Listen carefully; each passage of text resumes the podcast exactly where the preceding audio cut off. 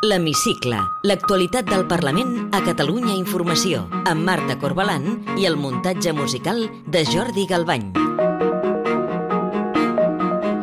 Els pactes postelectorals als ajuntaments i a les diputacions han fet miques la unitat independentista i aquesta trencadissa s'ha traslladat al ple del Parlament d'aquesta setmana. Junts per Catalunya ha arribat a suggerir al president de la Generalitat, Pere Aragonès, que convoqui eleccions. De res han servit les constants crides a refer el front independentista. A l'hora de la veritat, ni Esquerra ni Junts han fet cas d'aquesta premissa i en molts municipis els dos exsocis de govern s'han anat desbancant del poder a través d'aliances amb el PSC. Avui entrevistem el president del grup parlamentari de Ciutadans, Carlos Carrizosa. Benvinguts a l'Hemicicle. La setmana va començar dilluns amb una remodelació del govern. Després de la davallada d'Esquerra a les eleccions municipals, el president Pere Aragonès va canviar tres consellers. David Mascor ha substituït Teresa Jordà al capdavant de la Conselleria d'Acció Climàtica. Anna Simó és la nova consellera d'Educació en lloc de Josep González Cambrai i Esther Capella ha rellevat Juli Fernández a Territori. Amb aquests canvis, Aragonès intenta resistir el desgast i esgotar la legislatura legislatura, tot i governar en minoria sense cap soci estable. És una remodelació eh, normal després de dos anys de legislatura, com les remodelacions que es produeixen en qualsevol govern del món i que tenen per objectiu reforçar el govern del país, incorporar-hi energia renovada per encarar la segona part de la legislatura. Tot i que Aragonès vol exaurir el mandat fins al febrer del 2025, el cap de files de Junts per Catalunya, Albert Batet, li ha suggerit que convoqui eleccions anticipades si no rectifica els pactes postmunicipals que el seu partit Esquerra ha segellat amb el PSC, pensant sobretot en les diputacions de Lleida i Tarragona. El president li ha respost recordant-li que Junts també governa amb els socialistes sense anar més lluny a la Diputació de Barcelona. El govern està esgotat i el seu partit desesperat. El pacte de les diputacions és l'autèntic acord de claredat de quines són les seves prioritats i intencions. Hi ha hagut presidents que proporcionalment han perdut menys vots que vostè i han pres decisions. Demani al seu partit que rectifiqui, encara hi som a temps, i faci una profunda reflexió si val la pena aguantar aquesta agonia. De la mateixa manera que vostès continuen governant a la Diputació de Barcelona, a dia d'avui, encara ja ho han fet els darrers quatre anys, hi ha hagut llocs on hi podria fer la llista i ens podríem aprofitar la llista i vinga, anar-nos a tirar retrets, eh, jo no ho faré. Davant la nova trencadissa independentista, el PSC i els comuns han ofert al president de la Generalitat fer un front progressista perquè no hagi de dependre de Junts. El cap de l'oposició, el socialista Salvador Illa, li ha recordat que amb 33 diputats ho té difícil per poder governar sense cap aliat. He sentit que ha dit que vostè va acabar la legislatura, està molt bé, però això no és només una qüestió de bons propòsits ni de voluntats. És una qüestió de fer-ho viable, de fer-ho factible i en una democràcia parlamentària es requereix tenir acords i quan no es tenen acords, quan no es tenen suports, es busquen i es busquen a través d'acords. La presidenta d'en Comú Podem, Jessica Albiach, ha recomanat a Pere Aragonès que deixi davant dels seus exsocis de govern si vol esgotar el mandat. Només n'hi ha un camí per arribar al final de la legislatura, que vol dir mirar a la seva esquerra, que vol dir deixar de donar cops de volant, que vol dir deixar de fer seguidisme de les polítiques de Junts i és fer polítiques valentes. Des de la CUP, la diputada Dolors Sabater ha demanat al president de la Generalitat un gir en les seves polítiques més enllà d'alguns canvis canvis de noms. Hi ha un esforç per fer-nos creure que estem davant d'un canvi profund, quan en realitat només és pur maquillatge. El que a nosaltres ens preocupa, president, no són els noms, sinó quin és el rumb del govern, el rumb. Alejandro Fernández, del Partit Popular, Ignacio Garriga de Vox, han carregat amb duresa contra Aragonès. Gobernar mal cuenta, señor Aragonés, y se paga un precio. Aprovechen el poco tiempo que les queda a usted y al Partido Socialista, porque a partir del próximo 23 de julio, señor Aragonés, construiremos una alternativa nacional que acabará con sus privilegios y con la ruïna i misèria que ustedes han traído a todos los catalanes. Ciutadans ha acusat al president aragonès de fer una remodelació de govern pensant només en clau de partit després dels mals resultats del 28 de maig. El ple d'aquesta setmana també ha estat marcat pel debat sobre si els presidents del Parlament han de mantenir o no tot un seguit de prerrogatives quan deixen el càrrec, com una retribució econòmica mensual i una pensió vitalícia a partir dels 65 anys. Un debat que els grups han posat sobre la taula després del cas de Laura Borràs, tot i que ella ha renunciat a qualsevol prestació. Amb l'únic rebuig de Junts per Catalunya, el ple ha permès que es continuï tramitant una iniciativa dels comuns que proposa revocar automàticament qualsevol prerrogativa als expresidents del Parlament i de la Generalitat quan són condemnats per corrupció. El portaveu d'en Comú Podem, David Cid, ha defensat la proposta, mentre que el diputat de Junts, Jaume Alonso Cuevillas, ha criticat que es vulgui legislar pensant en noms concrets. Crec que aquest debat avui ja és inajornable i no podem esperar més. I és inajornable pel cas Borràs i és inajornable per la situació viscuda al Parlament de Catalunya aquests dos anys. No han de ser mai lleis ad hoc, ni, ni pensades per casos concrets, ni pensades per persones concretes. La proposta dels comuns es debatrà ara en ponència i els grups hi podran fer les seves aportacions abans de la votació definitiva. Té la paraula. Soc Carlos Carrizosa, eh, president del grup parlamentari de Ciutadans. El president Pere Aragonès ha remodelat aquesta setmana el seu govern amb l'objectiu, ha dit, d'esgotar la legislatura, que en principi acabaria al febrer del 2025. Creu que podrà arribar fins al final? No sé si arribarà fins al final, però segur que arribarà almenys a la tardor de l'any que ve. Vostè és partidari que el president de la Generalitat avanci les eleccions a Catalunya, com fins i tot li han suggerit els seus exsocis de Junts?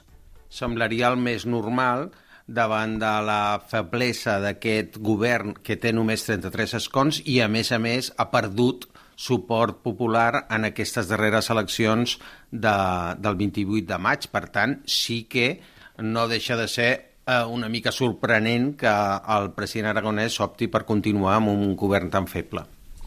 Com valora els canvis, els relleus que ha fet el president aragonès en tres conselleries aquesta setmana?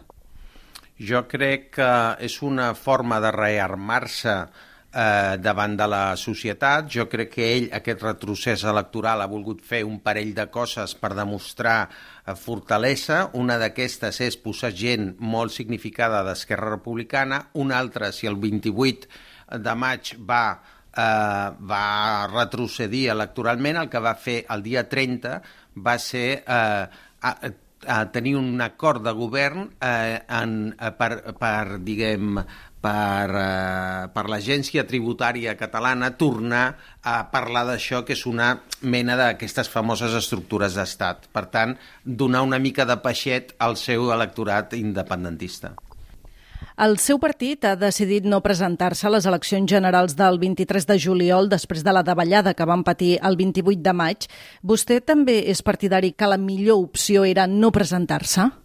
Jo crec que ara per ara, amb els resultats de les darreres eleccions i amb unes eleccions nacionals molt polaritzades, que la gent vol un vot que sigui o per mantenir Pedro Sánchez o per fer-ho fora, eh, les enquestes a nosaltres no ens donarien la possibilitat de treure representació i en aquest cas era demanar un acte de fer als nostres votants el que votessin per pura fidelitat al partit. Jo crec que la política és més seriosa que això i era més responsable en aquest cas no presentar-nos en aquestes eleccions tan polaritzades.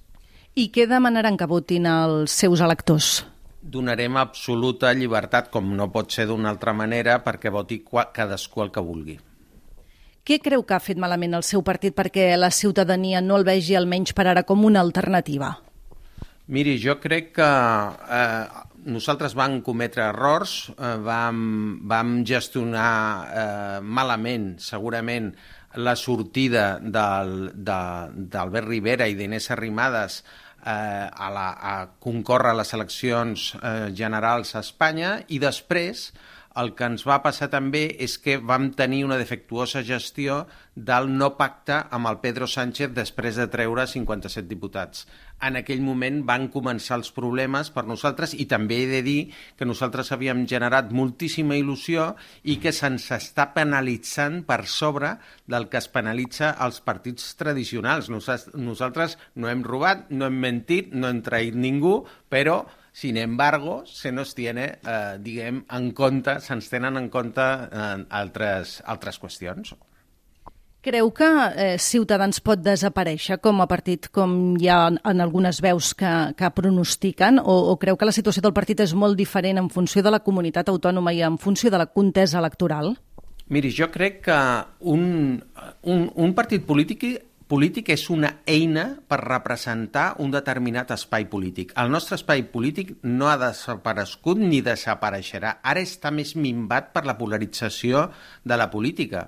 Eh, per l'aparició de Vox, per l'aparició de Podemos i per la, el sotmetiment del Partit Popular i del Partit Socialista en aquests dos eixos més radicals, per dir-ho així. Per tant, ara el nostre espai està reduït, però existeix. Hi ha moltíssima gent que abraçaria al centre i nosaltres és responsabilitat nostra, nostra resistir. Potser és més difícil a la resta d'Espanya, però jo crec que aquí a Catalunya un electorat de centre i també que no combregui amb els ideals nacionalistes separatistes existeix a la societat, aquest espai està de molta gent de centre que el que diu, que el que diu és escolti, a mi no, me, no, no, no em vingui amb històries, jo no vull la independència i aquest espai existeix sense, sense cap dubte a, a Catalunya i el representem nosaltres.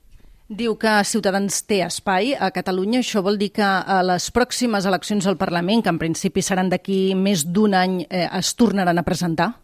Sí, això és, és inqüestionable i sense cap dubte la gent que vulgui votar Ciutadans a Catalunya a les properes eleccions autonòmiques ho podrà fer.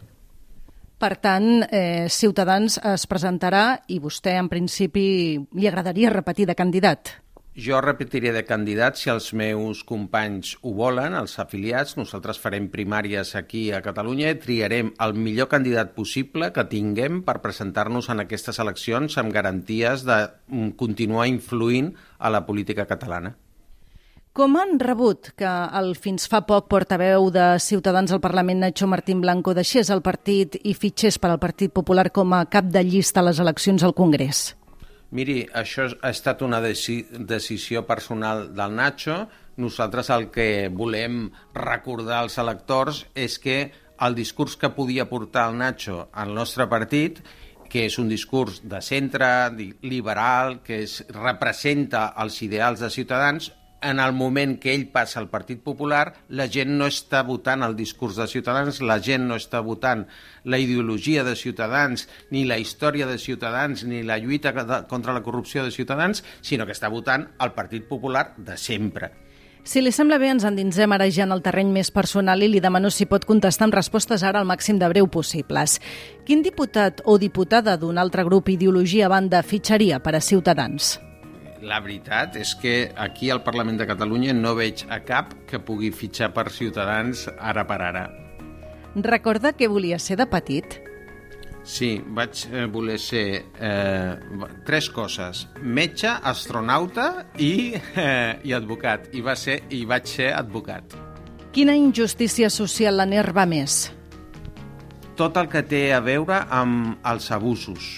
S'identifica amb alguna música en concret? Mm, a mi m'agrada molt el jazz i m'agrada molt eh, la música pop espanyola de fa anys. I ja per acabar, completi la frase següent. El que més m'agradaria del món és... Estar més temps amb els meus fills. Carlos Carrizosa, president del grup de Ciutadans al Parlament, gràcies per atendre'ns a l'hemicicle de Catalunya Informació. Moltes gràcies. Podeu tornar a escoltar l'hemicicle al web catradio.cat barra hemicicle o al podcast del programa i seguir l'actualitat del Parlament al perfil de Twitter arroba L-hemicicle.